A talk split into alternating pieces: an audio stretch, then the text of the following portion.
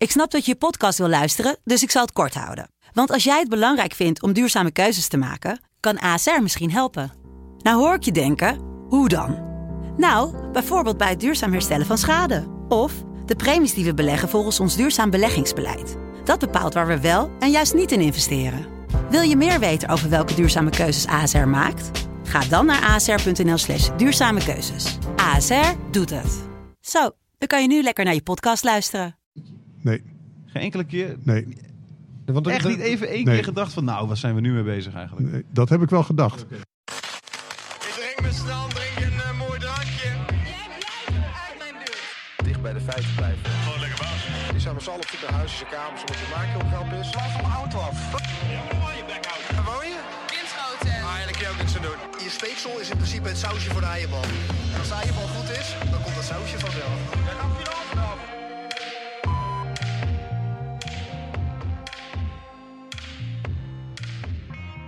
Welkom bij de vrijdagmiddag podcast De Vrij Mipo van eh Sikkom. Eh, al is het vandaag nog eh, vrijdagochtend. Dat heeft alles te maken met onze, met onze gast. Mijn naam is Thijs de Jong. Met mij mijn sidekick Willem Groeneveld. En de burgemeester van, van Groningen, Peter de Oudste. Welkom.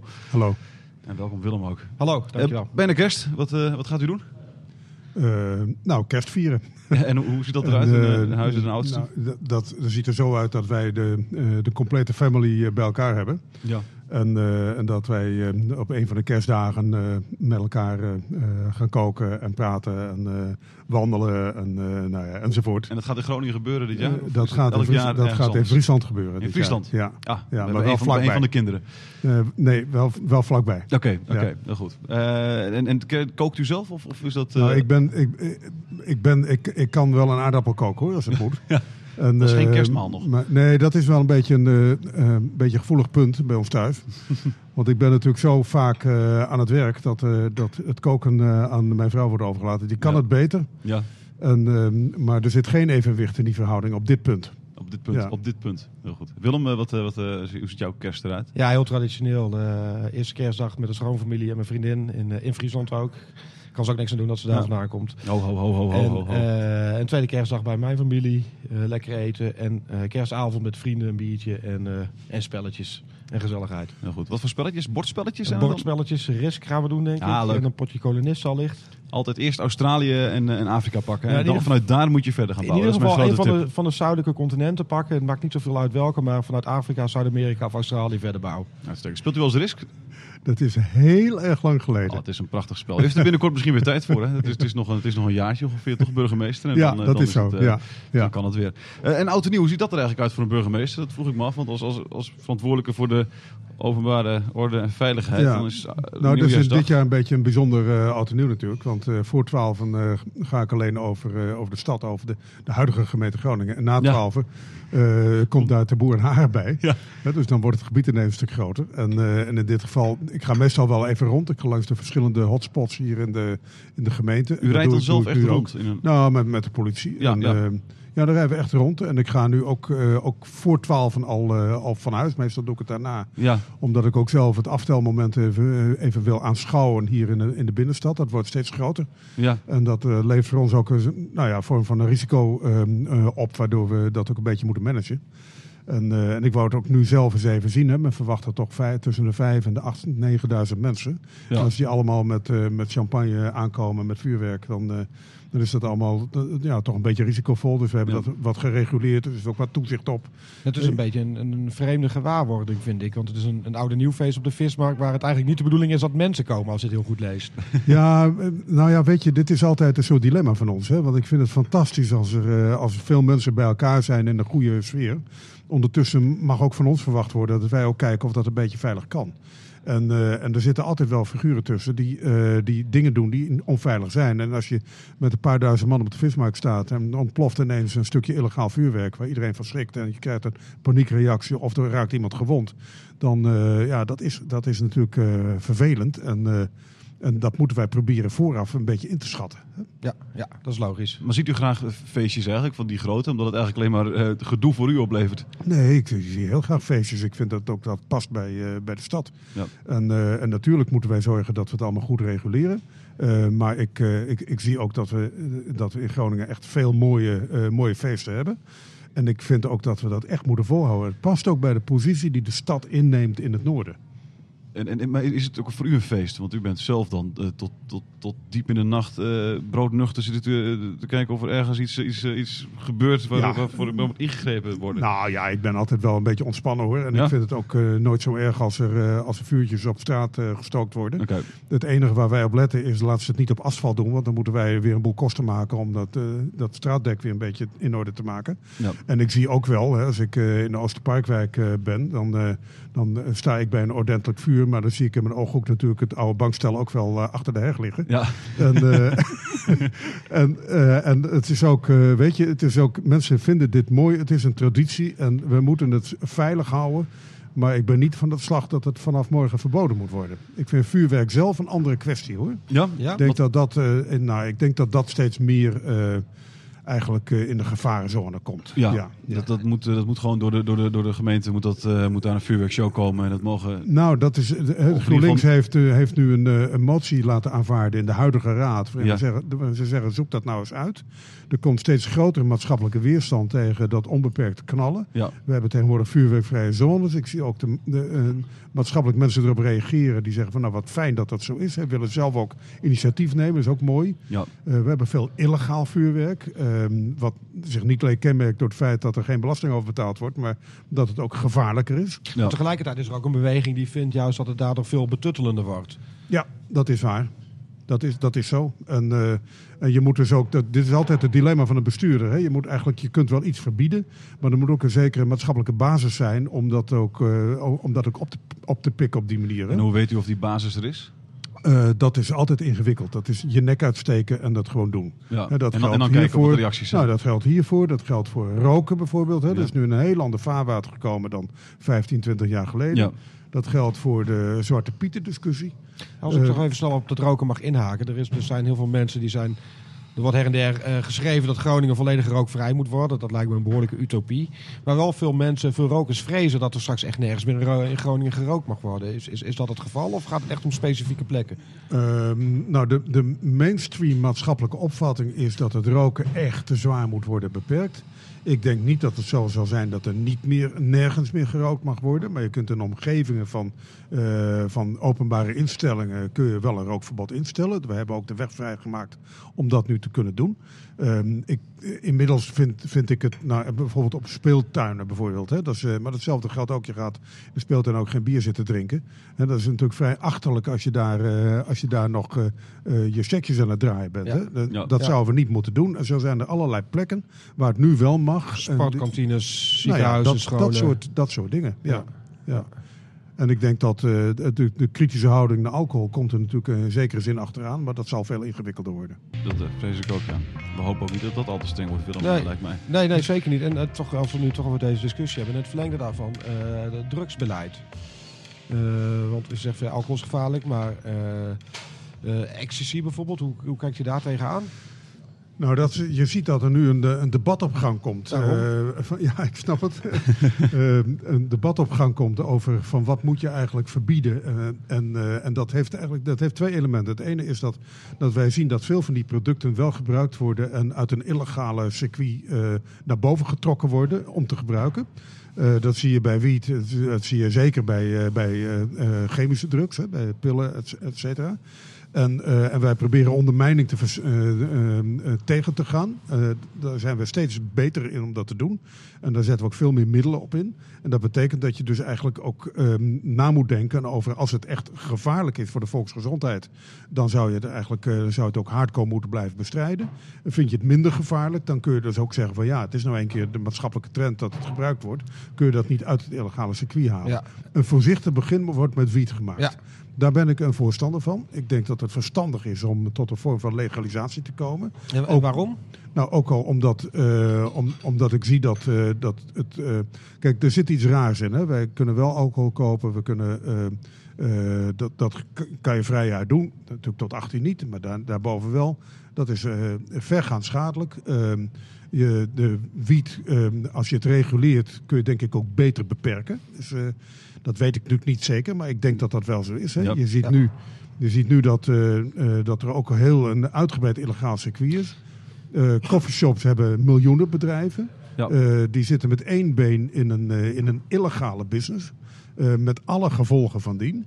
En ik zou eh, vanwege het feit dat je er zicht wil hebben, dat het toch gebruikt wordt, heel graag zeg maar, die illegale eh, Ja. sfeer eruit halen. En daarbij komt ik, ik blauw ook wel eens een jointje. Dat, eh, daar kom ik eerlijk voor uit. Maar waar ik dan wel tegenaan loop, ik wil graag weten wat er in, in die wiet van mij zit, wat ik af en toe koop in die coffeeshop. En ik heb echt geen idee wat ermee gebeurd is. Nee, maar dat zouden ze eerlijk gezegd wel moeten kunnen, kunnen detecteren. Er zit een volksgezondheidsaspect aan, waarbij, eh, waarbij je dus ook veel beter kunt reguleren van hoe, eh, wat zit er nou in dat, eh, Ja. dat, dat product. Ja, de TSC, waar er Nou, ook bijvoorbeeld. hoeveel eh, Ehm, middelen er nog meer in En zitten. vaak, vaak zie je dat dat juist heel erg sterk is Ja. in, eh, in de wiet die je ook leg- legaal koopt. Nou ja, zeg maar, Waardoor het niet- bijna richting de harddrugs ja, neigt. ja. Maar het- kijk, de, de hele business van die coffeeshop is natuurlijk een illegale business. We Ja. hebben alleen afgesproken dat we het niet vervolgen. Dat is het enige wat er gebeurd is. Ja. Kunt u dat En- vanuit de gemeente bepalen, dat, dat, dat, het op deze, dat het op de legale manier gebeurt? Of moet dat echt landelijk Nee, bepaald Dat worden? is een landelijk, daar moet een wet voor Ja. veranderd worden. Eh, daar moeten uh, afspraken voor komen om, eh, om een experiment ook echt vorm te geven. Ja. Dus dat gaat met Maar geregeld. u zou graag willen dat het experiment in Groningen ja, plaatsvindt? Nou ja, dat, ja, alleen dan moeten er ook goede voorwaarden zijn. En, en daar zijn we op het ogenblik over in, in discussie met de Rijksoverheid. De Tweede Kamer moet er nog een oordeel over vellen. En dan moet er nog een, eh, ehm, eh, dan moet er nog een uitvraag worden gedaan van welke gemeenten willen meedoen aan het experiment. Ja. Coffeeshops hier heb ik uitgebreid overleg mee gehad. En die zien natuurlijk hun, eh, hun businessmodel in gevaar komen. Ja. En die zijn buitengewoon kritisch. Het is, dit is een beetje het understatement van de week. en, eh, Maar, maar- maar- want tegelijkertijd zou ik zeggen, ze, ze moeten het ook kunnen omarmen, omdat ze daarmee misschien uit de illegaliteit worden Ja. getrokken. ja, dat ik zou er blij mee zijn als iemand ja. een handreiking geeft, waardoor ik in één keer... Ja, ik, eh, ik, ik ben het daar geheel mee eens. Ja. Dat is ook zo. Maar men kijkt er anders tegenaan. Men ziet in dat experiment ook heel veel risico's. En wat, wat, welke risico's zien zij? Weet Nou, u dat? eh, ja, dat, weet- dat weet ik precies wat voor risico's ze zien. Eh, zij zien het risico dat de veelheid aan producten die zij leveren, eh, bijvoorbeeld bij, waar, met een nadruk op de hashish-producten, Ja, ze dat een, 10 soorten een hash en 10 soorten centrale kwekerij dat niet kan leveren. Er zijn ook weer, hè, vanuit de, de kweekwereld wordt daar echt anders over gedacht, maar zij zeggen dat. Ja, dat is natuurlijk Eh, uiteindelijk dan ook wel weer een vreemde constructie. Dat er een één legale kwekerij komt voor zo'n stad die door de overheid gere- gereguleerd wordt. Waarvan uit al die shops worden eh, voorzien. Dat is... Dat zou je bij een Albert Heijn of bij een supermarkt niet voor je kunnen zien. Dat de overheid één distributiecentrum heeft vanuit alle supermarkten in de stad Nee, maar het wordt ook niet één kwekerij. Oké, Eh, het worden er een, eh, misschien wel tien of vijftien. Dat mo- moet allemaal nog blijken, hè, wat, eh, wat de limiet is daarvoor. En die, die leveren natuurlijk hun producten maar het aan. principe blijft van hetzelfde. Dat, Ja. dat, op, ja, dat maar het ja, distributiecentra zijn van de overheid van waar, ja. waaruit alle Maar goed, supermarkten worden daar is het ook een experiment voor. Je moet natuurlijk een gesloten keten opzetten. hè. Want anders dan werkt het niet. Nee. En de- dus men probeert nu een beetje geforceerd zeg maar, zo'n keten te organiseren. Ja. En, eh, maar goed, dit is één, één van, de, van hun, eh, hun, hun problemen. Een ander probleem is hun eigen veiligheid, merkwaardigerwijs. Ze zeggen als wij een voorraad voor een week moeten houden... Dan, eh, dan heeft dat zoveel waarde dat we ook risico lopen dat we overvallen worden. Is het nu dan dat het dagelijks eh, aan wordt gevuld? Eh, nou, dat weten we dus niet, hè? Nee, Dat oké. ja, nee, oké. illegale nee, maar je, weet, Ja. je weet het niet, maar, Nee. maar je kan het wel weten natuurlijk. Nou ja, dat, dat is er, maar dat, dat verschilt per koffieshop. Dus ze Ja. hebben hun eigen circuits. Ja. Ze hebben ook hun eigen kleine kwekers. Ja. Hè? Ja. En het is natuurlijk een idiote situatie dat wij aan de ene kant eh, al die kleine kwekers eh, proberen het leven zuur te maken en eh, panden sluiten. En eh, als we weer eens een kwekerij ontdekken. Ja. En dat zijn de zaken waar zij van afhankelijk zijn. Dus ik Ja. probeer dat de, de- te beëindigen door positief in het experiment te staan. Ja. Maar we moeten afwachten hoe dat met de Maar gemeente dat gaat, nog wel, dat gaat nog wel jaren duren. Dus. Nou, de- de- kijk, de, ehm, het eerste wat, wat ik nu wil doen is, ehm, is de stand van zaken met de nieuwe gemeenteraad bespreken. En aan hen vragen of zij, als ik verder ga op die weg, of zij die weg ook steunen. Ja. En dat is natuurlijk belangrijk, hè? Ja. Want als we hiermee doorgaan, dan krijgen we natuurlijk een boel gedoe. Ja. Ja, ja, dat, en, ja. en met het ChristenUnie nu straks erbij wordt het nog meer gedoe, denk ik. Zou, zou kunnen. Toch? Ik denk niet dat de ChristenUnie eh zo Sta- progressief is dat ze hierom staan te springen. Nee, precies, precies. Goed. Ik heb er nog even persoonlijk vraag Oh. hier erover. Heeft u zelf al eens een jointje gerookt of, of andere drugs gebruikt? Eh, het ge- dat is eh, z- zelfs, niet eh, alleen gerookt en niet ge- geïnhaleerd. Ik heb het nog nooit gedaan. Oké. Nieuwsgierig Nee. naar? Eh, ja, en, ik- maar ik heb gedacht, zolang ik dit beroep heb, ga ik het ook maar niet doen. Dus over een jaartje, Willem, Ja. dan eh, kun je hem tegenkomen. Bij dat afscheid weet ik al eh, ergens, wat voor cake ik ga. Ja. Nou, het is een, nee, maar het is op zichzelf. eh, het, het had best wel gekund. Hè? Dus ik zit er helemaal niet, eh, niet zo narrow-minded in. Maar tegelijkertijd, ja, als je bent opgegroeid in, eh, U bent in een bepaalde 67. sfeer. Ja, dat Dat is is zo. toch uit de tijd dan, eh, in de tijd dat, Ja. dat er nog werd geëxperimenteerd. eh, dan was Ja, je ongeveer de ja. enige, geloof ik. Nou, ja, maar in die periode... ehm, n- nou, dat was niet de enige hoor. Dat, is, eh, dat zie je echt verkeerd. Eh, in die periode was ik daar totaal niet mee bezig. Oké. Daar was u wel mee bezig? Ehm, nou, muziek, ehm, eh, ja, andere dingen. eh. het is een, eh, ik, ik heb een wat afwijkende, af- afwijkende liefhebber. En misschien wel, ik vind dat... eh, ik, ja, ik weet Wat, het wat niet. is afwijkend dan? Af, Nou, ik was veel met klassieke muziek bezig. Ik ja. zat in de jeugdorkest. Ik, was, eh, ik had gewoon een andere, andere sfeer om Welk instrument? En dat is... eh, ik heb, toen speelde ik klarinet. Ja, maar dat is wel heel wat anders dan al die eh, Vietnam hippie songs. Ja, eh, ja, zeker. periode, Ja. Het is geen Ja, maar daar was ik wel... Nou, daar was ik heel hevig van onder de indruk. oké. Maar, het is een, eh, maar ik kom natuurlijk uit een hele andere sfeer. Hè. Ik, heb, eh, eh, toen ik, ik kan me herinneren dat toen ik op de middelbare school zat, hadden wij schoolconcerten. Ja. En ik, eh, ik, ik ben ook in een familie met klassieke muziek opgegroeid. En dat vind ik nog steeds geweldig. ja. Maar toen kregen we voor het eerst een schoolconcert. Er was ook nog een hele, hele ruzie over op school of dat wel kon. Met Pim Jacobs en zijn trio. Ik weet niet of jullie die Dat nog kennen. mij niks. Dat is een, Pim Jacob een en zijn trio? Zeg het Dat jou is? Pim Jacobs en zijn trio. Rita, Ja, dat Rita Reis en, eh, en, Rita dat is Reis. Echt, echt jazz. Ja, ja dat, die ken ik Ja. De, de Nederlandse koningin van de jazz. Hè? Maar goed, om even het tijdsbeeld weer te geven. wij kregen, er was dus ruzie op school of, Ja. dit, of dit niet van God los was, hè, deze muziek. En dat was voor mij een ongehoorde eye-opener dat deze muziek bestond. Ik had het nou nooit gehoord. Waar bent u opgegroeid? en, eh, nou ja, in, ik, ben, ik, in, ik ben in Friesland opgegroeid. ja, ja, kunt u ook niks En, doen. eh, Het is een prachtige provincie, ja, is man. het ook. ik, eh, ik voel me daar ook nog steeds mee verbonden. Ja, er zitten veel Friesen in Groningen Ja, trouwens. ja, dat klopt. Dat is wel grappig. ik je ook. ziet dat ook aan eh, de bereikcijfers van Sikkom even tussendoor. Eh, bij Sikkom is de tweede stad Amsterdam, eh, dan Utrecht en Rotterdam. En dat komt natuurlijk maar al die Groningers naar de Randstad vertrekken. Maar nog steeds geïnteresseerd zijn in wat er gebeurt ja, hier. Wat er gebeurt hier. Maar we hebben ook Suks wat onder onze hoede. Dat is Leeuwarden. En je ziet dat daar de tweede stad Groningen is. En dat komt omdat al die Leeuwarders vanuit Leeuwarden naar Groningen gaan. En dan misschien nog een keer de sprong naar Ja. de Randstad maken. Ja, nee, precies. Dat, dat zie je daarin terug, ja. Ja. Ja, ik zie die steden ook eh, eigenlijk toch steeds meer in de toekomst als eenheid optrekken hoor. Hij ziet is de rug heeft er al een stap in genomen natuurlijk. Ja, dat is zo. En ik, wat, je, wat je ziet is dat eh, eh, die economie van die steden is natuurlijk steeds belangrijker aan het worden. Hè? Ja. We, we praten over natiestaten en de economie van de staat. Maar de economie van stedelijke agglomeraties is veel belangrijker. Ja. En eh, Groningen en Leeuwarden liggen zo dicht bij elkaar.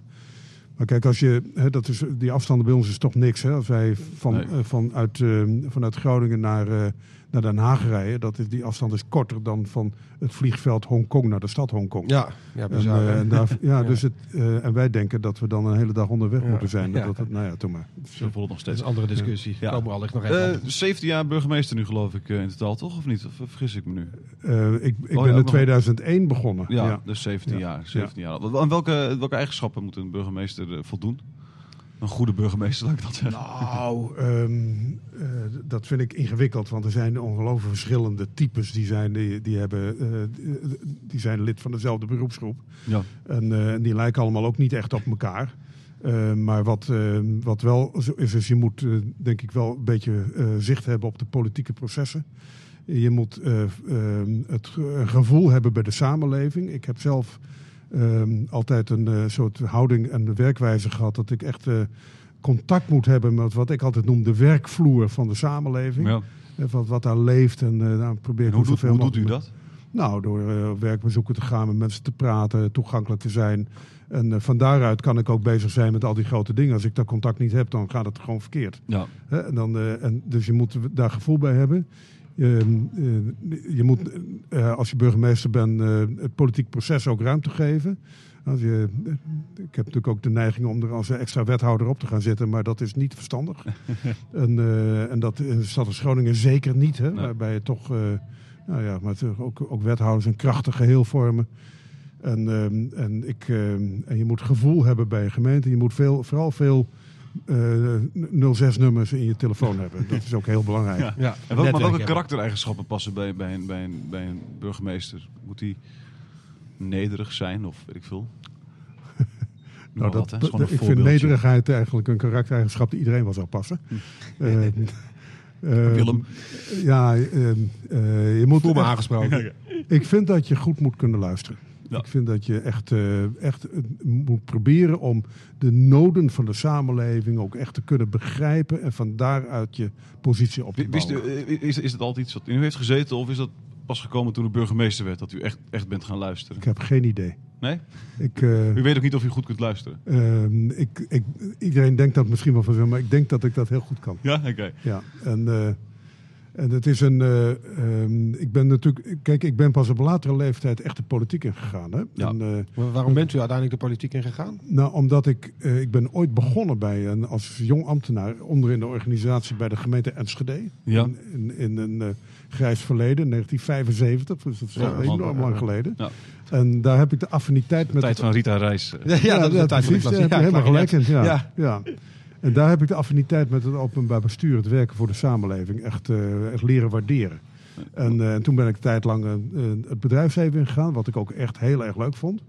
Iets met, iets met de hoofdcommunicatie achter wat was het ook weer? Ja, en bij commerciële... Friesland, Dairy Foods, echt een commerciële functie, internationaal. Ja, Dus ik veel, veel gereisd ook in, in die periode. En eh, dat vond ik enorm interessant en hartstikke leuk. En uiteindelijk dacht ik van ja, dat openbaar bestuur is toch wel interessant. En als ik, ik liep toen tegen de 50 en dacht ik, ja, als ik nog een keer die switch wil maken, dan moet ik het nu doen. Want Ja. dan ben ik weer veel te laat. ja. En, eh, en, eh, en er was een bijkomend voordeel. En dat is nu ook een punt wat nu bij heel veel mensen spelen die nu bijvoorbeeld lid van raad worden van het college. Ja. Mijn, eh, mijn kinderen die waren bijna de deur uit. Dus het was niet een aanslag op het gezin. Ja. Dat je er voortdurend niet bent. Ja. hè. Je kunt dan jezelf. nu over midden jaren negentig ik, toch? Eh, ja, Ja. ja. nou, nou, toen ben ik daar begonnen. En dan weet je nooit waar je terecht komt. maar dat is heel snel, heel snel burgemeester geworden. En dan is het in een burgemeesterschap ook wel een bliksemcarrière geweest. Oh, ja, Nou ja, dat is, eh, Binnen vier een jaar, toch? Binnen vier jaar burgemeester, geloof ik. Ja, Misschien dat- nog wel sneller zelfs. Nou ja, weet je, dat heeft ook weer zijn keerzijde. Hè. Ik ben altijd wat, wat, eh, wel wat kritisch daarop. Want eh, iemand die binnen vier jaar burgemeester wordt, dan eh, denk je ook van ja, je kiest voor een stad. En als je dan ineens weggaat binnen vier jaar, dat vond ik zelf nog wel ingewikkeld. Ja. Ja. Eh, U aan de vond zich er zelf kant- niet geschikt voor? Nou, aan, jawel, maar aan de andere kant denk ik ook van op dat moment was er ook, eh, werd ik echt gevraagd om, eh, om te solliciteren. En dan, dan heb je ook iets, dan moet je ook een beetje nadenken van, eh, van eh, als ik straks 55 ben Ja. en ik word ergens, ik kom ergens via een verkiezing op straat te staan, kan ik dan, weet je, op die manier werkt dat dan Ja. ook natuurlijk. Hè? Dus ik ben burgemeester geworden en dat heb ik met, met veel genoegen gedaan op de plekken waar ik dat. eh, En altijd al, eh, de, de, Partij eh, van de Arbeid is altijd al uw partij geweest? vanaf Van jullie- 1983. Vanaf 1983. Ja. Oh, dus niet meteen in 75 Nee. in, Twen in Enschede Nee, dat toen was ik lid van D66. Ah, Ja. en waarom de switch? Omdat ik vond dat, kijk, D66 in die tijd was toch meer een, een ontwikkelde zich toch meer in de richting van een sociaal-democratische stroming. En Ja. dat is eigenlijk omgebatterijd naar een wat meer neoliberale ehm, eh, strategie. En daar En voelde daar zich- voelde ik mij minder in thuis. Oké. En toen ben ik, maar ik, had, al- ik heb altijd al heel veel affiniteit gehad met, eh, met ehm, partijen die ook heel erg direct met de samenleving werkten. Zo Ja. had ik, dan is, was het ook geen zelfgekozen richting. Ik heb ook een tijd lang een abonnement op de tribune gehad. Omdat ik dat interessant vond. Ik ben nooit lid van de SP geworden. Maar ik vond het interessanter hoe, dat, hoe die partij in die tijd Ja. ook, eh, ook dat contact onderhield. Heeft u ooit wel eens overwogen om uw lidmaatschap eh, op te zeggen? Zoals eh, Marco Oud was het geloof ik, hè? de burgemeester burgemeester van Assen van Assen. onlangs eh, zijn Ja. lidmaatschap op de VVD opzegde. Nee. Heeft, u, heeft u ooit een moment gehad? Ook Nee. niet een beetje? Nee, Geen enkele keer? nee, Want Echt niet even één Nee. keer gedacht van nou, waar zijn we nu mee bezig eigenlijk? nee, dat heb ik wel gedacht. Ja, Oké, wanneer? Maar dat is wat wanneer, anders. wanneer dan? Wanneer? Nou, ik, ehm, ehm, wat ik ehm, heel moeilijk vond is, eh, is de, de, de positie van de partij eh, zeg maar in het vorige kabinet op een aantal van die thema's die ik, eh, die ik heel erg stuitend vond. Bijvoorbeeld wel of niet mensen verblijfsvergunningen geven die hier naartoe komen. Ja. Kinderpardon en daar weer een grens van opzoeken. Dat vond ik ingewikkeld. Ja. Ik heb natuurlijk wel begrip voor het feit dat je ook moet dealen. Ehm, ik vond het ingewikkeld dat in dit vorige kabinet rondom de gaswinning eh, toch eh, onvoldoende rekening werd gehouden met de noden van de bevolking. Daar had ik zelf een vrij hard standpunt over. En dat kwam niet overeen met de manier waarop de partij positie koos. Nee. Ik verwijt ook, eh, nee, ik vind nu dat de Had partij. PvdA daar nog harder in moeten? Want, want PvdA heeft natuurlijk wel redelijk met, met, met Dekker, of eh, met, met verschillende politici uit de regio, met Tjeerd van Dijk, eh, Dekker bijvoorbeeld, toch wel politiek gevoerd in de, in de Tweede Kamer tegen de, tegen de beving en dergelijke. Maar nog niet hard genoeg. waren lid van een regeringspartij. Ze waren er lid van, maar en, in die, eh, en, dat, eh, en dat betekent, nee, dan, ik vond het niet hard genoeg. Oké. Nee, nee. Maar ik denk ook dat, hè, dat zie je nu ook met die gaswinning. eh, Ik denk ook dat, eh, dat we hebben eh, rondom eh, die gaswinning en al die mensen die daar echt persoonlijk ook eh, jarenlang problemen van hebben ondervonden. We hebben een vorm van een onverwerkt verleden op dat punt. Hè, dat Ja, een, dus, eh, eh, en dat is, een, eh, dat is iets wat je niet makkelijk wegkrijgt. nou, het is een onverwerkt verleden. Het, is, het speelt natuurlijk ook nog steeds volop. Het speelt volop, en maar wat je nu ziet is dat het onver- onverwerkt verleden heeft ook teweeg gebracht dat men een- de overheid in al zijn geledingen enorm wantrouwt. Ja. Omdat er altijd, er werden voortdurend oplossingen geboden die, eh, die uiteindelijk eh, eh, niet bleken uitgevoerd te kunnen worden. Ja. Dus de planningen die werden niet nagekomen, al dat soort dingen. En dat heeft te maken met de onbeheersbaarheid van de hele operatie. Ja. En dat is, je ziet dat eigenlijk nu nog een beetje. Ja, dat is er even heel recent op de inhaken. De, gemeente Loppersum doet eh, afgelopen twee weken een dorpenronde. Die gaan bij alle dorpen langs. Ja. Ze zijn volgens mij gisteren of eergisteren in Middelsum geweest. Om uit te leggen wat de stand van zaken is. Maar ze hebben eigenlijk helemaal geen verhaal, omdat ze het totaal niet weten. En Ja. de, burger, of de gemeente Groningen heeft tegelijkertijd gezegd... wij gaan juist de burgers nog niet informeren, omdat wij het zelf ook niet weten. Ja, en eh, ik vind dat je ook eerlijk moet zijn eh, naar je burgers toe. En eh, wij hebben hier niet een allesomvattende oplossing voor. En, en wat wij doen is wij. Kijk, je- het eerste wat je doet is dat je zegt van. zijn er mensen in onze gemeente die zo onveilig wonen dat, ze eigenlijk, dat het eigenlijk niet verantwoord is? Want dan moet je onmiddellijk Ja, wat doen. Hè? ja, dan ja. kun je niet zeggen, ik informeer niet. En het, eh, eh, het tweede is, als dat niet zo is, hè, je weet dat, eh, dat er ergens een, een aantal woningen op een lijst staan. Die lijst kennen wij niet eens. Hè. Die zit bij de Nationaal Coördinator. Waarvan wordt gezegd van nou, dat zou best in de toekomst misschien een, eh, een mogelijkheid geven van een klein risico. Ja. Dan zeggen wij van als je zo'n bericht hebt, dan willen, willen wij liever dat bericht sturen op het moment dat je ook tegen de mensen kunt zeggen van wanneer wordt je woning opgenomen. Eh, wat kun je in die tussentijd doen als je je woning wil verkopen bijvoorbeeld.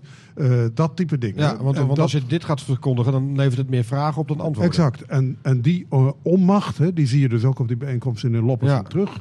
En eh, nou, ik ga natuurlijk geen inhoudelijk oordeel over vellen, maar het is een, eh, wij proberen dat op een andere manier te doen. Maar ik moet er tegelijkertijd toegeven dat in Loppersum de problematiek ook in al jaren ook wel heel erg Ja, maar- ernstig zich heeft ontwikkeld. Dat ben ik met u eens. Tegelijkertijd, eh, u gaf het net zelf al aan, vanaf 1 januari hoort ten Boer erbij. Dan zit de gemeente Groningen ook midden in het aardbevingsgebied. Zeker. Want ten Boer en Post worden volop geraakt. Zeker. Is het voor, eh, voor het aardbevingsdossier, en hoe cru dat misschien ook klinkt, ook misschien wel een zegen dat de stad daar nu meer betrokken bij raakt. Omdat de stad toch veel meer politiek gewicht in de schaal kan leggen richting Eh, Den Haag? Nou, dat, dat, eh, eh, ik wil niet zeggen een zegen, maar het is wel belangrijk dat, eh, dat zo'n grote gemeente als Groningen zeg maar, heel direct nu betrokken is ook bij de uitvoering van een versterkingsoperatie. Kijk, we hebben al een, een we hebben het nooit van de daken geschreeuwd, hè, maar we hebben wel een hele grote betrokkenheid eh, gehad. Ik heb zelf ook mee onderhandeld, aan de, aan de Wiebestafels gezeten, ook voor het perspectiefnota van Groningen, ook voor de versterking met, met minister Kamp. Maar ik zie ook, ik heb gisteravond in eh, Ten Boer aan de dorpstafel gezeten. En om eens even precies te weten wat er, wat er, eh, wat er gebeurde in de gemeente Ten Boer. Het was in Ten Ja. Post overigens. Ja. Eh, en dan zie je dus ook hoe, eh, hoe ingewikkeld zo'n operatie is. Het is niet alleen, kijk, je kunt makkelijk een aannemer vragen om, om een huis af te breken, een nieuw huis te bouwen. Maar er wonen mensen in, die moeten in een wisselwoning. Iedere, en als je verschillende woningen hebt, dan heeft iedereen weer zijn eigen verhaal. Sommige moeten opgeknapt worden, sommige niet. Ja, je komt hele nul op de meter, moet er een dorpvernieuwing achteraan. Je komt hele gekke situaties tegen. en- Zo ken ik een collega uit Den Boer, die heeft dan een woning. En zijn buurman heeft dezelfde woning, alleen die heeft er 20 jaar niks aan gedaan. En hij heeft er net een nieuwe keuken in gezet. Exact. En ze krijgen allebei hetzelfde bedrag. En dat moet, dat moet opgelost worden. Ja. En dat kun je alleen maar doen als je dicht op die mensen zit. En in die zin is het dus goed dat een krachtige organisatie van de gemeente, de nieuwe gemeente Groningen, zich ook volledig inzet om die problematiek als het ware mee te begeleiden en mee op te lossen. En dan nog even een vraag over de aardbeving. Want we hebben natuurlijk de situatie nu dat sommige veile, huizen onveilig zijn en daar neigen. Dat er versterkt moet worden. Maar bent u ook echt bang dat er eh, binnen nu en 20 jaar of 5 jaar echt een zware klap komt? Eh, daar ga ik eh, eerlijk gezegd geen uitspraak over doen. Ik ben er niet bang voor, maar ik, eh, het risico is er. Ja. En ook de, de toezichthoudende organisa- organisaties die ons vragen om op een bepaalde manier met, met woningen in de risicocategorie om te gaan, die zeggen dat het risico er ook is. Het risico wordt wel minder. Ja. Eh, naarmate die gaswinning ook minder wordt, wordt het risico minder. Maar niemand weet precies hoeveel minder. Nee, en Dus hoe lang wij- dat duurt. En, Exact, dus wij moeten ons prepareren op het feit dat er een keer zo'n klap komt. ja. En dat doen we met de veiligheidsregio, met het oefenen. En dat doen we dus ook met het prepareren van huizen, zodat ze zo'n klap kunnen doorstaan. Heeft u ooit een beving gevoeld? Ik heb zelf nooit een beving gevoeld. Nee. Nee. Jij Willem eigenlijk? Ik heb een eh, twee, drietal keren beving gevoerd. Ik kom uit Bedum, daar heb ik er een keer eentje gevoerd. Ah. En ik heb een tijdje gewoond aan de Sint-Janstraat in de stad. Daar heb ik er ook een gevoeld. En dat was een vrij, eh, vrij macabere ervaring, moet ik zeggen. Eh, ik, ik werd wakker straks en ik hoorde een gerommel in de verte in de grond. En dat kwam Ja. steeds dichterbij. En op het moment dat het op zijn hoogtepunt was, begon het huis even te schudden. En toen trok het ook zo weer weg. En je ligt recht op een... Het was een hele kleine beving, maar je ligt recht op een bed. En eh, je schrik je de pleuris. Ik heb direct Twitter erbij getrokken van... Ben ik de enige die ik gevoeld heeft? Ben ik misschien Ja. te dronken geweest Ja. vannacht? Eh, maar dat was niet het geval. Het, Twitter ontplofte om vier uur s'nachts ongeveer Ja. was dat. Ja. dat is een bizarre ik heb ook eentje. Ik heb, voor, ik heb die van Zeerijp in Groningen gevoeld. Ja. En dat is een hele bijzondere. bijzondere. Ja, het is een nare, angstige gewaarwording. Ja. Heel- heel even zeggen, misschien horen mensen veel geroesmoes op de achtergrond. Ik weet niet of Thijs dat Dat al heb ik niet gezegd. Nee, nee, nee. We zitten in het Student Hotel inderdaad, ja. Ja, dus eh, misschien wat hotelgeluid op de achtergrond. Maar het is wel zo gezellig voor de. Vrijnipo, want dan kan er een biertje bij. ja. Eh, Ik wil eerst nog wel een watertje Ja, we trouwens. hebben als het water. Maar bla- een Nee, zonder, zonder de bubbeltjes. Ik heb trouwens. nog. Ik heb nog. Ja. Ehm, ik wil nog iets over iets anders hebben waar, eh, waar, jij, eh, waar jij vooral direct mee te maken hebt, eh, Willem. En, en ook u natuurlijk. De, de, huisjes, de huisjesmelkers. Ja. Dat is, op Sikkom zijn er meerdere verhalen over te lezen. Een paar honderd inmiddels, Een denk paar ik. honderd, ja. Eh, de- hoe gaat het ermee? Hoe, want ja, ook, ook Nou, het gaat nog niet, nog niet goed, maar ik heb wel het idee dat de, de, de klachten die bij ons binnenkomen worden wel wat minder frequent en minder ernstig. Dus ik, ik heb het idee dat eh de hangt klachten van huisjesmelkers van, zelf. van, van huurders.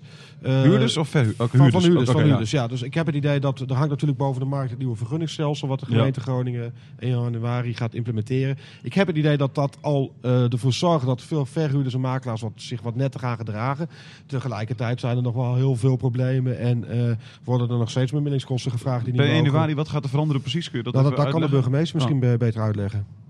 Nou, wat wij, eh, wat wij ehm, doen is wij, eh, wij voeren per 1 januari een vergunningsstelsel in. Waarbij verhuurders voor, een, voor hun, de gebouwen die ze, die ze voor kamerverhuur beschikbaar hebben, vergunning moeten aanvragen. En dat is eigenlijk de, de reden daarvoor is dat, dat als je zo'n vergunning krijgt, dan moet je dus ook houden aan een aantal regels. En als je, eh, als je misbruik maakt van je positie als verhuurder, Ja. eh, door huurders in een slechte positie te brengen of geld te vragen wat niet kan, et cetera. Dan kunnen wij eh, waarschuwingen opleggen en uiteindelijk kunnen we ook een vergunning intrekken. Ja, maar er zijn som- sommige huur, verhuurders hebben, hebben 10.000 units geloof ik, of 5.000 Ja, units. daar zijn hele grote jongens bij. Ja. eh, hoe, wat, wat gebeurt er als je tegen iemand zo zegt eh, van, nou ja, je, je mag niet meer verhuren. Wat gebeurt er dan met die... Nou, kijk, dat is, dit, is, dit is een van de, van de problemen geweest die Ja. wij eh, in de- bij het ontwikkelen van het stelsel ook aan de orde hebben gehad. Want je kunt als er één huurder is die, eh, die zeg maar een paar duizend kamers verhuurt, dan, eh, dan kan je niet als er een van die, eh, van, de- van, die, van die huurders een probleem veroorzaakt, waardoor wij zeggen van eh, je, je vergunning wordt ingetrokken, dan gaat het niet over die paar duizend. Hè? Dus Nee. het is gebouwgebonden in beginsel. Oké, Ehm, beginsel. ja, ja, nou ja, kijk, we kunnen natuurlijk uiteindelijk kun je wel opschalen. Maar kijk, wat, wat wij doen is iets wat, wat nieuw is in het land. Het is nog nergens vertoond. Binnenlandse Zaken, het ministerie vindt het enorm interessant. ja. Ik weet dat de andere studentensteden er ook echt belangstelling de voor Tweede hebben. Kamer heeft er recent Eh, over gesproken. zeker, zeker. is dit in Dus Groningen is- ook het grootste probleem van alle studentensteden? Of zijn er andere steden waar het probleem net zo groot nou, is? ik, Of- d- dat, eh, ik, ik weet niet net zo groot. Nee. Groningen heeft wel een specifieke eh, structuur van die kamerverhuurmarkt. Hm. Omdat wij veel meer particuliere verhuurders hebben dan in andere steden meestal het geval is. Ja, dat we- gaat bij ons op 80, 85 procent. Wij hebben dat drie, vier jaar geleden uit, eh, uitgezocht. eh, in ieder geval voor de starters en studentenmarkt. En daaruit bleek dat dik 70% van het aanbod in Groningen in handen is van particuliere verhuurders. En in steden Ja. als Utrecht en Amsterdam is Minder. dat eh, Ja. bijna andersom. Ja. Dus dat zorgt, en, en heeft er ook mee te maken gehad dat eh, door, dan- dankzij de aardbevingen grote bouwprojecten langere tijd hebben stilgelegen. Want je ziet nu dat de komende periode worden overal grote studententorens gebouwd. Ja, er is, eh, de, eh, er is zeker vertraging geweest. Eh, of dat, nou, dat is niet alleen aardbevingen, want, maar dat, dat heeft wel mede, is mede de oorzaak. Het is natuurlijk ook zo dat als de economie wat slechter gaat, dan Ja. merk je dat in zo'n situatie als Groningen natuurlijk niet als laatste. Hè? Dan, dan zijn mensen toch snel voorzichtig om dingen neer te zetten. Ja. En, maar ik zie nu dat het echt is aangetrokken. Je ziet overal bouwkranen staan. Ja, het een gaat, geweldig eh, ja. gezicht overigens. Ja, het ziet er heel Ja, is heel uit. mooi. Ja, dat is geweldig voor de stad natuurlijk ook. Hè? Dus ik denk dat... Dat het een eh, grote bouwput is, dat is Als Nou we ja, om dus- heen kijken, dan eh, zie ik de- al de een stuk of vier kranen. Ja, Ja, dus de Kamerverhuurmarkt die zal op zichzelf wel in de situatie komen dat je hier een redelijke wijze uiteindelijk ook weer een kamer kunt krijgen. Ja. Zelf voor internationale studenten. Maar wat wij proberen te doen is die Kamerverhuurmarkt zo te reguleren dat er echt uitwassen er niet meer zijn. En dat eh, verhuurders zich houden aan wet en regelgeving. En dus ook eh, huurders zich veilig moeten voelen tegen een normale prijs op een normale manier een kamer kunnen En, en, Maar is- gebeurt er zo, ja, want ik, ik las, eh, ik las eh, eh, laatst nog een verhaal over eh, aangiftes die dan gedaan worden door bijvoorbeeld een huurder. Waar dan door de politie in principe weinig, of in principe weinig wordt gedaan, wordt op een stapel gelegd of wordt, is geen tijd Ja, voor gebrek aan Dat bewijs, is et wel wat veranderd. eh denk door, ook door druk van de, van de burgemeester. Wij hebben dat heel vaak eh, meegemaakt dat er echt schrijnende aangiftes, inclusief bewijzen, werden gedaan in de vorm van eh, Camerabeelden. geluidsfragmenten, camerabeelden, getuigen. En daar werd al niks mee gedaan. Dat vonden wij heel vreemd. Er zijn echt tientallen van dat soort aangiftes tegengekomen jaren Ja. geleden. Maar de burgemeester heeft volgens mij bij, in de politieke of in de driehoek, lokale driehoek met het Openbaar Ministerie en politie erop aangedrongen dat het meer prioriteit werd. Ja, ik heb, ik, ik heb de indruk dat men dat nu niet meer zo doet. Hè? Nee. Zo wegleggen en niks meer Nee, doen. kijk. Ehm, eh, ik, ik denk wel dat jullie nodig blijven om, eh, om goed alert te zijn op van wat er ook echt in de markt gebeurt. Hè? Ja. Dat onttrekt zich ook eh, soms aan mijn Dat, waarneming. dat zullen we blijven doen. Hoor. Ja, dat is ook heel goed. Nee, maar dat is ook heel goed, want jullie zijn natuurlijk ook mee eh, de stimulans geweest voor ons om de- met het bo- naar boven halen van die problematiek, om ook heel scherp te opereren. Ja. Nou. Dus, eh, dat is ook hartstikke goed. Is- Is het een van de grootste problemen die u, die u ziet in de stad eh, als burgemeester? Of, of- Nou, eh, kijk, wij zijn een relatief veilige stad. Hè? Dat Ja. is fijn. Hè? Dus eh, zelfs al zijn we een van de grootste steden van het land, is het hier een heel prettig en eh, veilig klimaat. Groningen is de mooiste stad van het land. Even Ik vind, ben hier op de hoek overvallen met een pistool trouwens, nog geen Oh. 20 meter. Ja, ja. Oh. Dat was een neppistool. Maar goed, voor de rest is het hartstikke veilig hoor. Ja, is gewoon ja, dat gebeurt. Nee, maar dat- dat ik, dat ik echt ja, dat soort dingen gebeuren natuurlijk. Dat is ook zo. Met zo'n rauwe Ja, dat, dat is ook zo. Ik denk dat, eh, eh, kijk, er zijn natuurlijk ve- veelheid. Ik heb een hele lijst met dingen die beter kunnen. hè. Ja, ja, natuurlijk. Of die een risico vormen. Ik vind dat werkgelegenheid, wat nu geweldig gaat. eh, Je ziet hoeveel arbeidsplaatsen erbij zijn Ja. gekomen. Meer dan 13.000 in de afgelopen paar jaar. Is Is, dat ook een beetje de verdienste van Joost van Keulen? Eh, eh, zeker ook. Is ja. het wat dat betreft ook Ja. niet spijtig dat hij straks uit het college eh, verdwijnt? Nou, kijk, wat, wat, dat zal ik op zijn afscheid ook zeggen, maar dan krijgen jullie de primeur. Wat, eh, wat leuk Joost, is. Joost moet eh, even afsluiten. Als hij dit luistert, naar- Nou, hij weet wel dat ik er zo over denk, dus dat kan wel. Kijk, Joost heeft ook met zijn losse stijl en, eh, en zijn, zijn, zijn vo- volledige toewijding aan het ondernemerschap van deze stad, heeft hij de gemeente een beetje opengebroken voor ja, die volgens ondernemers. mij ook. En dat is een, eh, enorm, dat is een grote verdienste. Hij wordt op handen gedragen En, door al die eh, ondernemers. En dat is ook mooi. Ja. En dat is ook, hè, dus, en we hebben natuurlijk een, met elkaar een beleid ingezet. Waarbij we ook hier en daar eh, ook wat, eh, wat geld hadden. Voor, voor zeg maar, wat als Haarlemmer olie. Voor initiatieven en het wat verder doordoen van die initiatieven. ehm, eh, gebruikt kon worden. Nou, we hebben het oude PTT-gebouw natuurlijk. Ja. eh, was een geweldig initiatief. Ja. Dus er is een. eh, er- dus ik snap dat die ondernemers eh, het jammer vinden Ja, want het is, het in alle geledingen. Het is in de binnenstad. eh, die zijn heel erg blij met ze. Maar ook de grotere bedrijven die eh, op de industrieparken zitten. Maar ook in de start-up scene eh, heeft Joost een Nee, behoorlijke rol zeker. betekend. Ja, maar wat wij altijd zeggen is van, dat zeg ik natuurlijk in het college ook altijd, wij bereiken alleen maar een collectief resultaat. Het is collegiaal bestuur, Ja, dus het college bereikt resultaat. gedaan. Maar je Heel ziet tegelijkertijd ook, nou ja, hè, je ziet tegelijkertijd ook dat, dat hoe individu- individuele wethouders opereren, ook naar buiten Ja. toe, eh, dat dat vaak een groot verschil maakt. Nou, en los van, los van Joost, volgens mij zit er op dit moment echt een prachtig college met een oude ervaren burgervader en daaronder een, eh, een aantal jonge Groep honden. jonge honden. Ja. En eh, één middenman ertussen voor de financiën. En voor de rest eh, ja, met Paul en met, eh, met Roeland en met, met, met Ja, nou ja, ik zou zeggen, Joost. geniet ervan tot 1 januari. Ja, ja, ja. Ben- bent u dat met me eens dat er een mooi college zit op dit moment? Ja, wat, eh, graag, nou, een van de dingen die, eh, die ik heel er- erg eh, op mij af zag komen toen ik hier kwam, was zo dat men behoefte had aan toch een beetje een politieke stabiliteit en rust. Ik heb, ehm, eh, dat college bestond, of bestaat nog steeds uit allemaal jonge gasten natuurlijk, hè, Ja. waarvan een paar jongen zijn en mijn kinderen. En die ook een En, beetje vrienden van elkaar zijn geworden, En lijkt het wel. ja, het is echt een, het is een zeker, we hebben echt een, een goede onderlinge verhouding. Men gunt elkaar ook wat. Het zijn natuurlijk allemaal slimme gasten. Ja. Dus die eh, weten ook waar ze het over hebben. Hoe jong ze ook zijn. Zijn enorm gegroeid in Ambitieus ook. Ja, in de afgelopen jaren. Dus het, er heeft een heel stabiel eh, en na- in mijn opvatting ook heel goed college gezeten. Het was heel stabiel. En dat heeft de stad ook goed gedaan. Dat denk ik ook. En ik, ik, moest, ik moet er ook wel om lachen. Want ik, ik had laatst een verkiezingsdebat op de Hans Hogeschool. En toen fietste ik toevallig achter Paul de Rook, eh, Roeland van der Schraaf en Joost van Keulen. En hoe die drie gasten dan met elkaar omgaan. Nou, je, je, je giert het uit. Je komt er op Sernica uit. En dan liggen te weinig fietsenstalling. Ja, Joost, dat is jouw probleem. Dat moet jij oplossen. Ja, maar dat komt omdat die riolering moet opengebroken worden, Roeland. En, eh, eh, schiet daar eens mee op. En dan zitten ze elkaar constant zo te verwijten waarom het nog niet goed geregeld is. En toen voer ik dan, gaat het altijd zo? Eigenlijk wel als we Ja. door de stad lopen. Ja, hal, aan half woord genoeg. Ja, En soms is het ook goed, hè, dat is nu ook hè, van hoe goed dit college ook is. Op enig moment moet je weer, eh, weer opnieuw kijken, reshuffelen. eh, eh, naar Ja. nieuwe verhoudingen gaan. En dat gaat nu ook gebeuren. Ja. En u bent dan over een jaar weg. Gaat u het missen?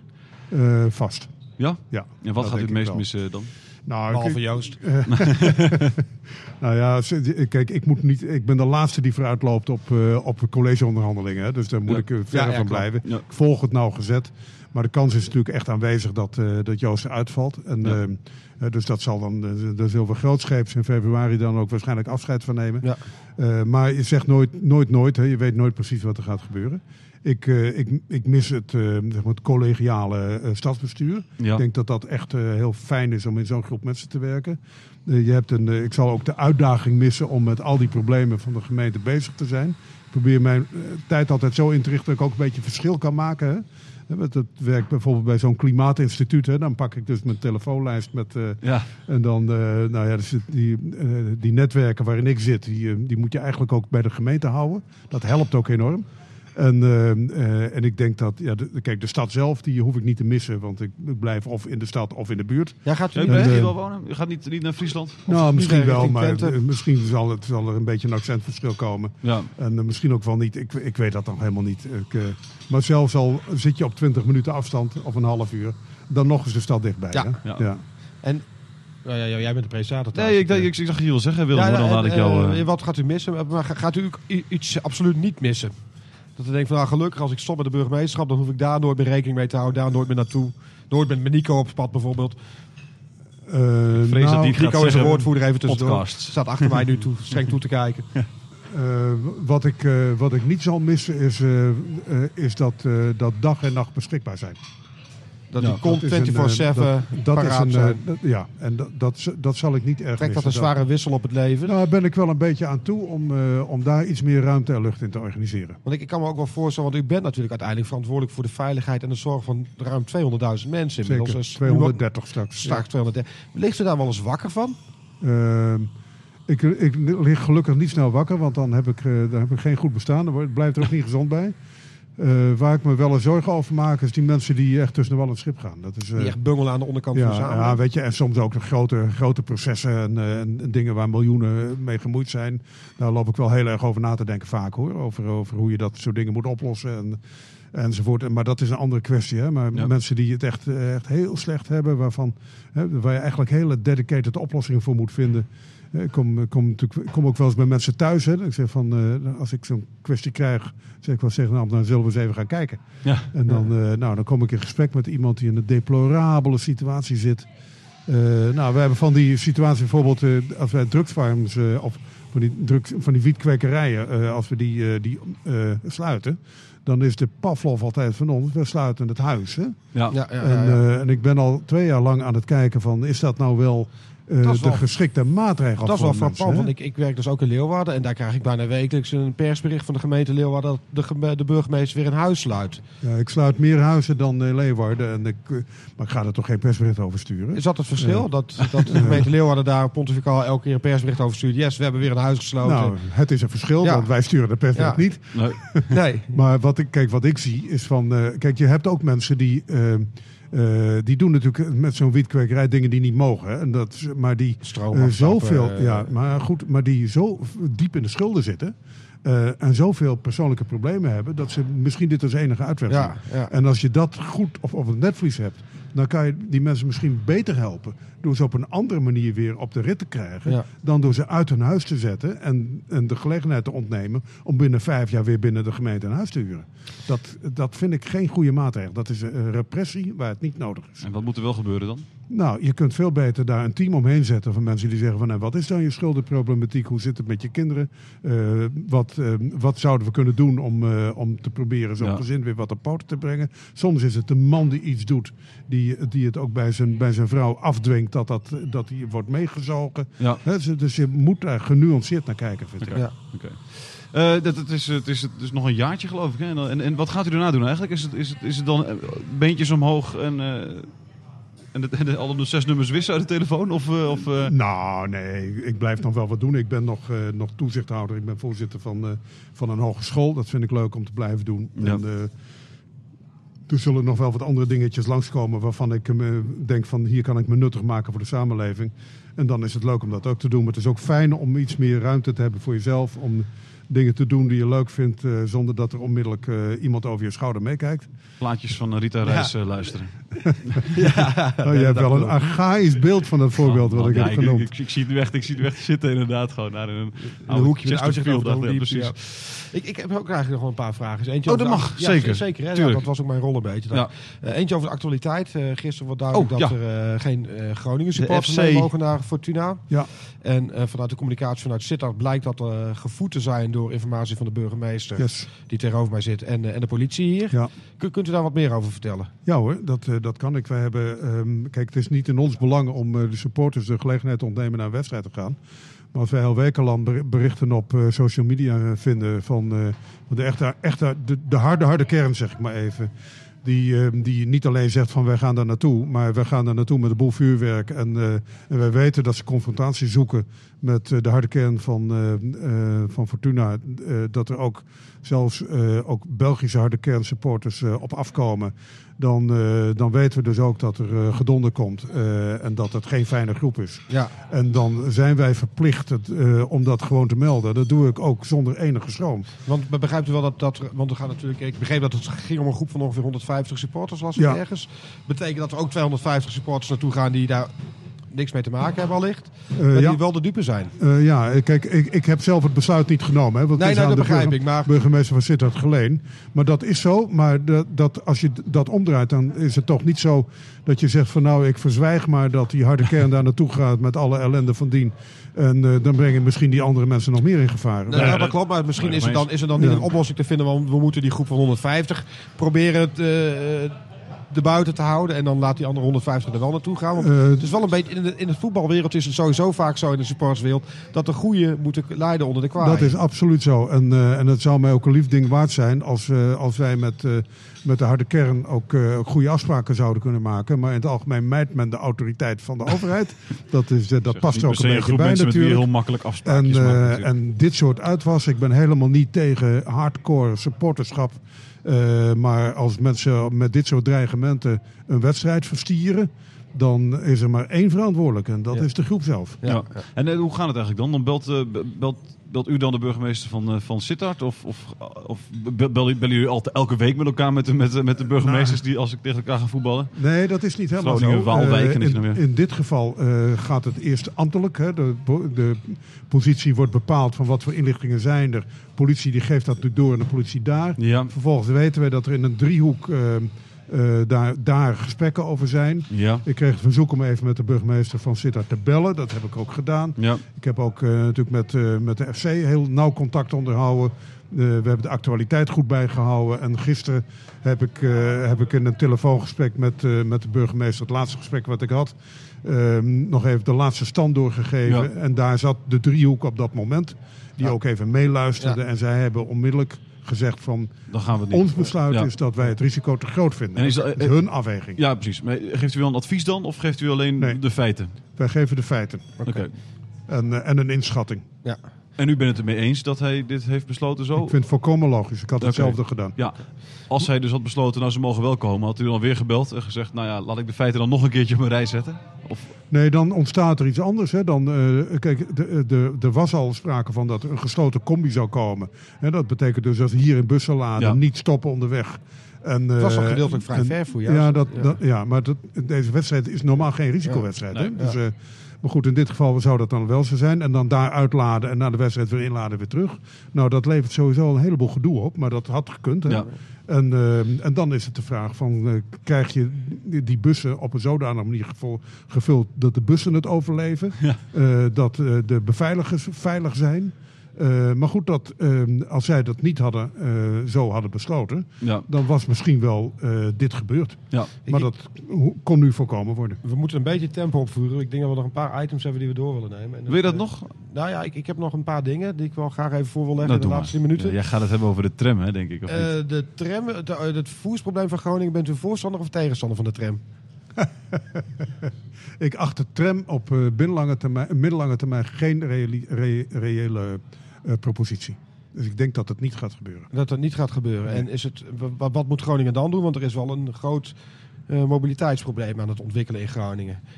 Op de ringwegen, op de, de, de wegen naar Serenike toe voor studenten. Ja, nou, dit, dit punt dat ligt nu natuurlijk op de tafel van de onderhandelaars Ja, op dit moment. niet op vooruitlopen, en daar ga ik niet op vooruit lopen. Nee, verstandig. Eh andere puntje wat ik nog even nog wil aansnijden. eh, festivals en het uitgaansleven. Eh, dat is natuurlijk redelijk vrij in Groningen met beperkte sluitingstijden. Ja. deze week weer de aankondiging van twee nieuwe grote festivals op Stadspark. Wat heel goed is. Tegelijkertijd komt ChristenUnie. En ik begrijp dat u daar ook niet, waarschijnlijk niet op ingaan. Maar komt ChristenUnie in de coalitie. Die hebben als verkiezingsprogramma minder festivals. sluitingstijden misschien wat aan tornen. Eh, minder koopzondagen. We- hoe moet Groningen daarmee omgaan? Eh, nou, ik, kijk, die afspraken moeten ook in de coalitie gemaakt worden. Ik, vind, ik denk dat vrije sluitingstijden zijn, eh, zijn waarde wel bewezen heeft. En waarom? Eh, eh, omdat wij eigenlijk heel weinig eh, gedoe hebben in het centrum. Dat was vroeger wel anders. Eh, je kunt er ook anders over denken. Eh, het heeft ook een keerzijde. En de keerzijde zit hem toch in het, eh, in het alcoholgebruik en eh, veel, veel dronkenschap. Ehm, eh, en eh, ja, het is even de vraag in hoeverre de coalitie eh, eh, daar veranderingen wil aanbrengen. Ik denk dat dat niet gemakkelijk zal zijn. Nee. Eh, omdat wij ook kunnen aantonen dat in het algemeen voor de openbare orde dit een hele goede maatregel Ja. is. En het is ook een visitekaartje van Groningen richting de rest van Nederland. Dat zou, heel, dat zou heel goed kunnen. Ik weet niet in hoeverre dat ook echt zo Ik, is. ik denk dat het voor veel Het studenten... toevallig sprak ik eh eergisteren nog een jongen uit Hilversum 5 Jij spreekt VWO. ook echt iedereen. hè? Ik sprak een jongen uit Hilversum 5 VWO. Die, die, die, die, die, die overwoog om naar Groningen te gaan studeren. Ja. En dit was wel een van de dingen die Ja, hij in ieder geval kende. Ja. Hè? Wat ik wel Eh, denk eh, is, eh, wat er gaat gebeuren, is toch iets me- rondom studentenverenigingen en alcoholgebruik. Ik ben daar nu al heel erg eh, intensief mee bezig Ja. om met de studentenverenigingen te proberen een weg te vinden om dat toch wat te mitigeren, wat, wat in te dammen. Dat is ook hard nodig, Ja. denk ik. Denk, nou ja, er zijn genoeg uh, Ja, goed, als er geen alcohol wordt- geweest waarvan iedereen Als er geen alcohol wordt gedronken, dan wordt er zomaar vissaus eh gehaald natuurlijk. Zoals je laatst in België eh. Ja, zag. ja, Dus- of, dus- of, of la- liters water, zoals je het hier ook al een keer hebt gehad, wat ook niet goed is. Maar het is natuurlijk wel een feit dat er bij studentenverenigingen, en we hoeven geen namen te noemen, maar dat er wel de laatste jaren zoveel eh, slechte dingen naar buiten zijn gekomen, dat, dat het wel logisch is dat de politiek daar wat mee wil, denk ik. Ja, maar dat kan, dat kan ook bijna niet anders. Hè. Je kan, eh, kijk, wel, ik, ben, ik heb daar een soort eh, eendimensionale benadering op. Eh, men, eh, men heeft een, eh, een, een, een paracommerciële horecavergunning. En daar staat de handtekening van de burgemeester onder. Ja. En, en dus alles wat zij doen valt onder die handtekening. Maar zou je dus En- zo ver willen gaan dat we die handtekening terugtrekken? Als, het nodig is, als het nodig is wel, maar ik ben niet zozeer... Kijk, ik, vind, ik zie het belang van studentenverenigingen. Ik vind ook heel leuke organisaties vaak. Ze doen ook heel veel goede dingen. Eh, zeker, zeker. Hè? Dus ik ben ook niet van het Vindicat-besje of zo. Wij ook niet. Eh, Denken nee, mensen wel dus, eens, nou, maar... Nee, ik denk dat dat ook heel goed is. Want er zijn andere studentenverenigingen die in de schaduw van Vindicat zelfde dingen doen. Ja, Eh, en, maar ik wil wel, wel, wel palen perk stellen aan dat echte misbruik. Ja. Als mensen in een hoekje van een, eh, van een, kan- van een, een studentensociëteit in, in hun eigen kots eh, een roes liggen uit te slapen, Ja. dan, eh, dan, is dat afgelopen. Maar is dat ook niet een beetje van alle jaren en alle tijden? Dat zou kunnen. Ehm, maar Maar dat ik- weet u niet, want u zat in de klassieke muziek toen. eh, ja, dat is waar. Dat is waar. En ik heb zelf nooit op een universiteit gezeten. ja. Maar eh, ik heb genoeg ogen eh, en oren om te zien dat het van alle tijden is. Tegelijkertijd vind ik de, de, het, het, het werken van een echte studentensociëteit, wat vroeger echt anders. Hè? Daar kwam je ook overdag, daar at je ook. eh. Het is nu toch s'avonds vooral feest. En, en, dat het in alle tijden is, is natuurlijk geen excuus om een eh, probleem aan te pakken. Nee, zo is het. En dan heb ik nog even één, één, één Er is nog een belangrijk man in, eh, in deze contraille die zijn afscheid heeft aangekondigd. Hans Nijland. Daar heeft u natuurlijk ook al veel mee te maken gehad. Eh, hoe, hoe kijkt u daar naar toe? Wat, wat, wat heeft nou Hans Nijland voor de stad en voor de club betekend voor, volgens u? Nou, heel veel. Kijk, hij zit er heel erg lang. En het is al eh, sowieso een, eh, een, een enorme verdienste dat je zo lang eh, zonder echt in opspraak te zijn eh, zeg maar, bij een voetbalvereniging dat, dat vak uitoefent. En hij heeft dat natuurlijk heel erg goed gedaan. Hij is nog steeds, ik heb hem natuurlijk de afgelopen dagen ook weer gesproken, ongehoord betrokken en, en in detail op de hoogte van wat er gebeurt. Ehm, dus ik vind dat hij, dat Is misschien heel ook een beetje de- het de- probleem? Juist dat hij tot in detail weet wat er gebeurt. Dat dat Ja, maar ja, goed, dat heeft altijd zijn keerzijde totalitaire regime. Hij gaat, eh, gisteren werd Ja. bekend dat hij, eh, dat hij gaat eh, adviseren Ja. over zijn opvolger. Toch, terwijl hij een paar keer heeft gezegd dat hij dat niet gaat doen. Hij zei Is bij de- jullie in een podcast van uh, Noordsport Ga van niks, dat hij zei, daar ga ik niks, niks, niet mee bemoeien. En nu nog geen, geen maand later. Maar dit is dus en dan in altijd... het verlengde daarvan, wie zou burgemeester? Ja, precies. Ja, nee, ik wil dus ook eh, vragen. Ja, kijk, als je het al doet, zeg het dan niet. Maar Maar het is een. eh, Kijk, je hebt. eh, het risico zit hem er altijd in dat je de organisatie, als je lang zit, zo naar je hand zet. Dat daar ook eh, een aantal negatieve dingen uit voortkomen. Ja, de oogklep op. En, en- en dus is het heel verstandig, zo heb ik het dat ook tegen hem gezegd, van stop ermee. Zou dat- Ongeacht het moment, het is nooit een goed moment, stop ermee. Zou dat nog een functie voor u zijn om eh, straks als u met pensioen bent, drie dagen in de week, vier dagen in de week, en is... Absoluut niet. Nee? Heeft u een beetje voetbalverstand? Ik heb geen verstand van voetballen. Nee, oké. Nee. Nou ja, dan... eh, dan eh, Nee, ik denk dat we er wel maar over, zijn. nou, over de, de burgemeester, de, de opvolger daarvan, kunt u daar, eh, mag u daar adviseren? Nee, Nee. Doet u dat ook niet? nee. Mag u een Ja, karakter ik zag, zag je de twijfel? Ja, ik zag ja. de twijfel. Hij wil het Doet u dat wel. ook niet? Nee. nee, u wilt het wel, denk ik. Ja. Een beetje adviseren. Hij heeft er al over nagedacht zelfs. Nee, het is heel mooi dat. eh, de, de- ik zet er een punt achter. De, de vertrouwenscommissie die je dan Ja. allemaal gaat doen. En ik weet niet wat daarin gebeurt. Ik, ik heb nog twee afsluitende dingen. Nee, heel snel, heel snel dan. Eh, waar liggen de gevaren voor Groningen en waar liggen de kansen voor Groningen de komende jaren? En dat moet heel snel. Ja, nou ja, dat mag. eh, ja, maar u, u heeft tot 12 uur, dus we hebben nog drie minuten. Eh, wat ik, eh, wat ik eh, zie is dat het, waar de, de- wat er moet gebeuren is dat wij eh, de tweedeling niet verder moeten laten oplopen en, en ook echt proberen weer bij elkaar te brengen. De tweedeling in de Dat vind ik maatschappij. echt een maatschappij arm, arm, rijk. arm en rijk, goed opgeleid, minder goed opgeleid. Allochtoon, autochtoon Dat is ook. een risico, ja, zeker. Ja. zeker. Nou is Groningen een relatief witte stad. Hè? Ja, Dus, maar, maar toch. maar zeker. En kan ook, ook vind ik, veel meer mensen die uit andere landen komen hebben. Dat past ook in onze progressieve samenleving. Maar dat is echt een gevaar als we dat niet beter doen dan eh, met beter en, resultaat en, dan tot nu en toe. de bevingen? Is Eh, dat ook echt zo'n groot Ehm, gevaar volgens u? Ik denk dat dat voor de stad ehm, eh, wel een beetje meevalt, eerlijk gezegd. Ehm, ik schat in dat het risico afneemt. Het gevaar had ik groter gezien als we niet die, die afname van die gaswinning Ja. zouden hebben gehad.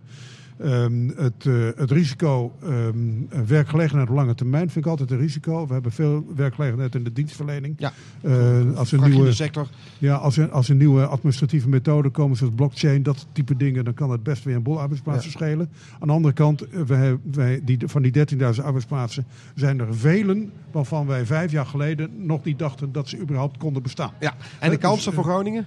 De, de kansen voor Groningen is als eh, een landsdelige grootste economisch centrum een, eh, een, eh, een, een grote positie in het noorden innemen. En als zodanig in aansluiting met Amsterdam, ehm, eh, Den Haag, Rotterdam en Utrecht samen met Eindhoven proberen een verbond dicht tegen de Rijksoverheid aan te sluiten. Dat Dus, vind ik dus een kans. eigenlijk een sterke stadstaat, eh Ja, maar- agglomeratie en wat ik- tegenover de, wat ik eh, Groningen is een progressieve, hartstikke jonge stad. Die ook ruimdenkend is. En als je in de economie van de toekomst probeert aan te takken, mee te doen, eh, kansen te pakken. Dan heeft Groningen met die jonge stad en die goed opgeleide bevolking heeft enorm goede kansen. Dat zien we eigenlijk al een beetje om ons heen gebeuren. Een beetje, Behoorlijk. volop. Ja, mooi hè? Mooi. Sluiten we daarmee Ja. af, Willem. Als je, toch, of heb je nog meer vragen? Ja, ik, ik kan nog drie uur Ja, blijven nee, zitten hier. We, hebben nog precies eh, 30 Ja. seconden, geloof ik. Dus, eh, eh, dit was de eerste, eerste podcast. Hartstikke fijn dat u eh, de eerste gast eh, wilde zijn. Dank u wel daarvoor. Graag gedaan. En tot over een maand, denk ik. Ja, we gaan het eerst proberen elke maand een Elke podcast. Dus volgende week, volgende maand zitten we met ik door de slag. In de Studio Totaal met hopelijk een hele toffe gast. Dan is iedereen ook welkom om hem gewoon aan te schuiven en, en te kijken hoe we dat doen. Het is niet heel Ja. boeiend, maar misschien vinden mensen dat leuk. En als het een succes wordt, gaan we, gaan we de frequentie omhoog gooien. Zeker. Mooi. Ja. Dank u wel. Dankjewel jongens.